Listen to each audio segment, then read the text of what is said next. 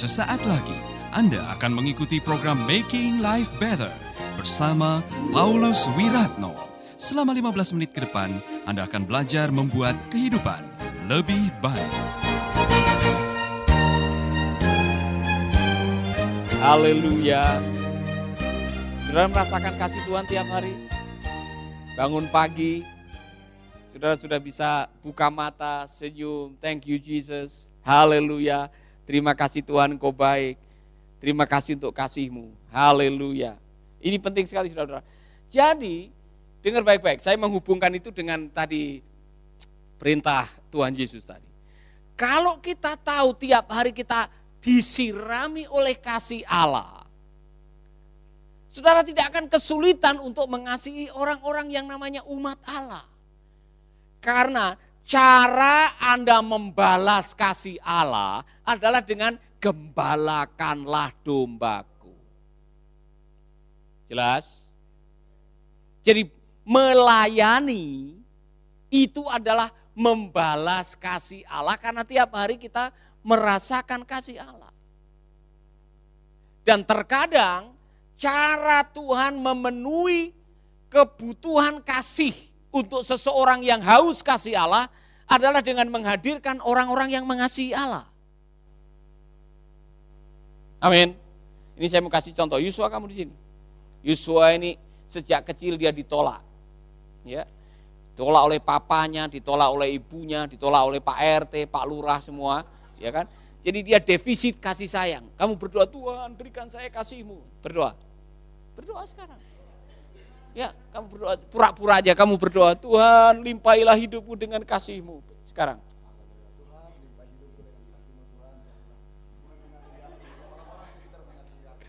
Nah, kemudian ada orang uh, namanya Pak Roni. Dia, mari Pak Roni. Ya kan? Pak Roni ini sudah berjumpa dengan kasih Allah, ya tiap hari dan di dalam hidupnya ada roh Allah. Dia hidupnya penuh kasih Allah. Nah saya mengatakan tadi, kasih Allah itu selalu mencari objek. Nah, sekarang Pak Roni sudah percaya Yesus, anggap aja saya Yesus dan saya tinggal di dalam dirinya dia yang mengatakan kasihlah Tuhan Allahmu dan kasihlah sesama manusia. Waktu ada orang yang berdoa, Tuhan penuhi saya dengan kasihmu, dia secara otomatis waktu digerakkan oleh kasih itu, dia kasih peluk dia. Ya. Peluk. Ya. Amin. Apa yang terjadi, saudara? Cara Allah melimpahkan kasihnya kepada orang, pakai orang yang sudah dipenuhi dengan kasih Allah. Jadi Petrus mengatakan, kalau kau bilang Engkau mengasihi aku, kalau engkau mengasihi Yesus, gembalakan. Salah satu elemen penggembalaan dalam mengasihi mereka. Jelas? Amin. Thank you. Ya. Harusnya kamu menangis tadi waktu dipeluk. Amin. Sudah jelas ya? Jadi seharusnya mengasihi adalah gaya hidup kita sebagai orang percaya. Saudara-saudara, saya bisa membayangkan seandainya setiap orang Kristen memahami bahwa engkau sudah menerima kasih dari Tuhan, maka tidak akan ada orang Kristen yang malas mengasihi jiwa-jiwa. Seandainya setiap pendeta, penginjil, hamba Tuhan, vikaris tahu apa artinya mengasihi Yesus, bahwa bukti nyata Anda mengasihi Yesus adalah mengasihi sesama. Tidak ada kesulitan bagi kita untuk mewartakan kasih Tuhan kepada orang di sekitar kita. Amin. Yang ketiga, you are totally forgiven. Anda diampuni secara totalitas oleh Tuhan. Saudara diampuni. Ayat Roma pasal 8 ayat 1, Saudara. Roma 8 ayat 1. Oleh karena Yesus mati di kayu salib untuk memberikan hidupnya, maka pembayaran untuk dosa, penebusan untuk dosa sudah dilakukan. Oleh karena itu saudara, demikianlah sekarang tidak ada penghukuman bagi mereka yang ada di dalam Kristus Yesus. Kenapa? Totally forgiven. Anda sudah diampuni oleh Tuhan. Karena Anda sudah diampuni secara total oleh Tuhan, tidak ada lagi dosa sisa. Ya kan? Tidak ada oh yang oh yang ini sudah saya ampuni, yang ini kamu cari cara keluar sendiri ya. Dosa-dosa yang ini sudah saya ampuni, ini yang berat-berat ini kamu tolong tanggung sendiri. Tidak ada seperti itu. Di kayu salib kita sudah diampuni. Karena di kayu salib kita sudah diampuni tanpa syarat. Maka tuntutannya adalah berikanlah pengampunan kepada mereka tanpa syarat. Amin. Jadi Ibu Rina kalau mengampuni suami tanpa syarat ya. Karena sudah menerima pengampunan dari Tuhan tanpa syarat. Awas kalau pakai kata tetapi. Saya mengampuni kamu Roni tetapi, tidak ada tetapi. Tetapi itu syarat. Ya. Atau sudah mengatakan, sayang saya mengampuni kamu asalkan. Dua. Ya, ya, asalkan sama tetapi. Itu sama saja, Saudara. Nah, hati-hati ya. Saudara yang mengampuni dengan asalkan, Yesus pernah kasih perumpamaan. Ada orang yang utang 500 miliar, kemudian utangnya dianggap lunas, orang itu keluar, ketemu dengan orang yang utang ke dia hanya 19 dolar. Kemudian dia pukuli itu orang dan akhirnya ada yang lapor kepada tuanya atau kepada raja yang sudah bikin perhitungan, dicabut itu akhirnya, dia kembali berutang lagi karena dia jahat. Sebetulnya itu ilustrasi, kalau kita sudah totally forgiven, belajarlah mengampuni orang, totally. Anda harus belajar. Dan saudara, Pak Paulus Wiratno, tolong belajar itu juga. Totally forgive. Kalau mengampuni, mengampuni, tidak pakai asal. Kalau mengampuni, mengampuni, tidak pakai istilah tetapi. Amin. Mengapa Tuhan mengatakan kalau mengampuni tidak boleh tetapi oleh karena saudara ketika ada tetapi dan tetapinya tidak dipenuhi, pengampunannya dicabut. Kita harus mengampuni secara totalitas. Haleluya. Berikutnya, ini kebenaran yang berikutnya. You are extremely valuable. Anda berharga di mata Tuhan. Dengan sangat-sangat luar biasa. Saya diberkati dengan bagian ini. Karena begini, harga itu yang menentukan siapa? Nah, soal harga, kalau saudara membeli sesuatu, harga itu pada akhirnya kesepakatannya yang menentukan siapa? Pemilik, pemilik dan penjual. Iya kan? Eh, sorry, sorry. Pemilik dan pembeli. Iya kan? Kalau saya bilang, Yesua saya mau jual ini sepatu saya. Saya pemilik, saya akan menentukan harga dulu. Iya kan? Saya, misalkan kamu mau beli, saya tentukan harganya ya, 2 juta setengah. Kamu tentukan. Anda masih bersama Paulus Wiratno di Making Life Better.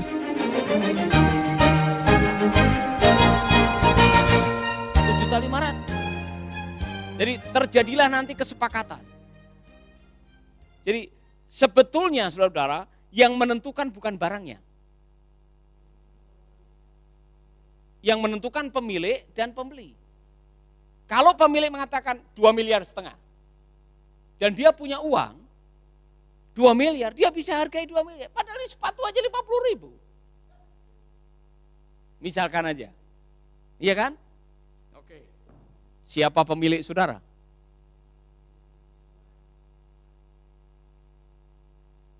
Kamu adalah umat kepunyaan Allah. Imamat raja nih kamu diciptakan menurut gambar dan teladan Allah. Kamu berharga di mata Tuhan, ada ayatnya. Kalau burung pipit dijual dua seduit, saudara-saudara, kamu lebih daripada itu. Kita lebih daripada makhluk yang lainnya. Siapa yang pernah membayar kita? Yesus. Dia membayar di kayu salib dengan harga yang mahal dengan darahnya. Jadi saudara-saudara, you are extremely valuable. Saudara adalah orang yang secara ekstrim sangat berharga di mata Tuhan. Maka jangan pernah mendongkrak harga diri dengan yang lain-lain. Saudara ngomong begini, saudara-saudara yang dikasih oleh Tuhan mau menunjukkan bahwa saudara punya cincin yang berharga, saudara setelah mati cincin itu akan ditinggal. Saudara akan kembali telanjang, iya kan? Kalau toh dikasih pakaian, lama-lama pakaiannya dimakan rayap. Aku lahir dengan telanjang, kembali dengan telanjang. Jadi jangan pernah mendongkrak harga diri dan menganggap kalau saya pakai barang berharga, maka saya lebih berharga bertobat. Mohon maaf nih, jangan tersinggung. Ada orang yang tiap hari dia cari barang berharga ya kan? Pernah saudara ketemu dengan orang yang giginya dilapis emas? Kalau ngomong ditunjukkan supaya kelihatan emasnya, weh luar biasa. Giginya dilapis emas, semua kukunya dilapis emas. Semua di mana-mana bawa emas. Seperti yang saya pernah katakan, naik pesawat Garuda dengan seorang ibu yang pakai gelang dari sini sampai sini. Semua gelang satu almari dipakai semua. Ya kan? Duduk di samping saya, selama perjalanan dari Jakarta ke Surabaya tidak bisa ditekuk tangannya oleh karena penuh dengan gelang. Saudara-saudara, ngapain? Anda sedikit banyak yang masih menggunakan barang berharga untuk mendongkrak harga diri, Anda salah konsep. Mohon maaf, Anda tidak menghargai apa yang pernah dilakukan oleh Yesus di kayu salib. Ingat baik-baik, nilai atau hargamu ditentukan oleh pemilik dan pembeli. Dan dua-duanya sudah dilakukan. Anda berharga. Tidak peduli mau ompong, mau botak, mau keriput kah, mau pincang. Kita semua berharga di mata Tuhan. Katakan kepada teman saudara yang ada di samping, apa pun juga kau berharga di mata Tuhan. Amin. Jangan pikir kalau yang gendut lebih berharga karena beratnya lebih banyak daripada yang kurus. Saudara-saudara. Jangan pikir yang rambut tebal dengan yang tidak punya rambut, yang rambut tebal lebih berharga. Tidak, di hadapan Tuhan kita semua sama. Haleluya. Amin. Coba saya lihat Kristin mulai senyum nih. Ini pewahyuan, saudara membuat Anda tidak minder ketemu siapa saja. Mau ketemu dengan orang yang mobilnya 16, istrinya 13, saudara tidak akan pernah minder karena apa? Kita sama di hadapan Tuhan. Harga yang Tuhan Yesus pakai untuk membayar Pak Benihin, Pak Niko, Pak Arifin, sama dengan harga yang dipakai untuk menebus saudara. Amin. Jadi jangan minder gara-gara yang satu jemaatnya 5 ribu, saudara jemaatnya 15. Saudara tidak perlu minder. Di hadapan Tuhan kita sama. Amin. Haleluya. Amin. Haleluya. Senyum coba sama saya orang yang berharga bilang. Ditambahi, saya sangat berharga walaupun dompet saya kosong. Bilang.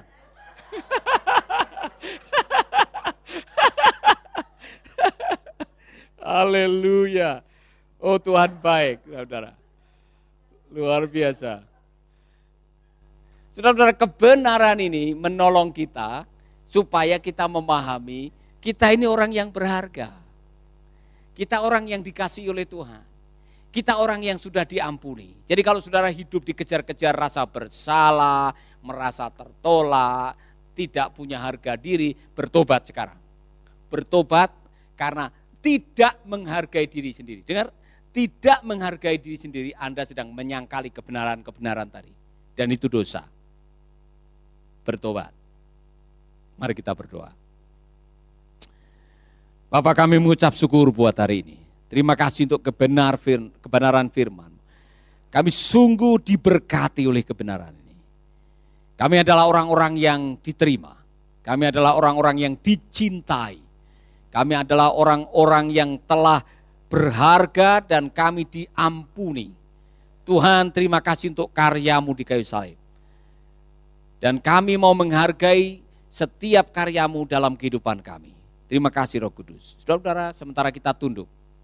Ada orang yang mengatakan selama ini saya tidak menghargai kasih Tuhan. Saya merasa berdosa oleh karena apa yang telah saya lakukan di masa lalu. Saya jahat, saya melakukan hal-hal yang uh, najis di mata Tuhan. Saudara-saudara dengar, you are totally forgiven. Anda yang percaya kepada Yesus hari ini, Anda diampuni. Anda yang merasa tidak berharga, Anda menerima harga penebusan kayu salib itu. Dan saudara yang mengatakan, Pak Paulo saya mau bertobat. Saya pagi hari ini mau bertobat. Saya mau datang kepada Tuhan, saya mau minta ampun kepada Tuhan. Karena salah konsep. Taruh tanganmu di dada, saya mau berdoa buat saudara. Haleluya. Haleluya. Saudara yang dikejar-kejar rasa bersalah. Saudara yang selama ini merasa tertolak. Saudara yang merasa selama ini punya krisis harga diri. Dan saudara menggunakan segala macam cara untuk mendongkrak harga diri saudara. Bertobat. Dan saudara yang sudah bertobat, saya mau berdoa buat saudara. Bapak kami dalam surga, terima kasih untuk kebenaran firman. Hari ini saya mengakui, saya salah konsep selama ini. Saya tidak tahu, tidak menyadari kalau melalui percikan darahmu aku telah diterima. Aku telah ditebus, aku telah diampuni, dan aku berharga di matamu. Hari ini, aku mengakui semua kesalahanku, dan aku bertobat dan menerima Engkau sebagai Tuhan dan Juru Selamatku. Haleluya. Amin. Sahabat, Anda baru saja mendengarkan Making Life Better bersama Paulus Wiratno.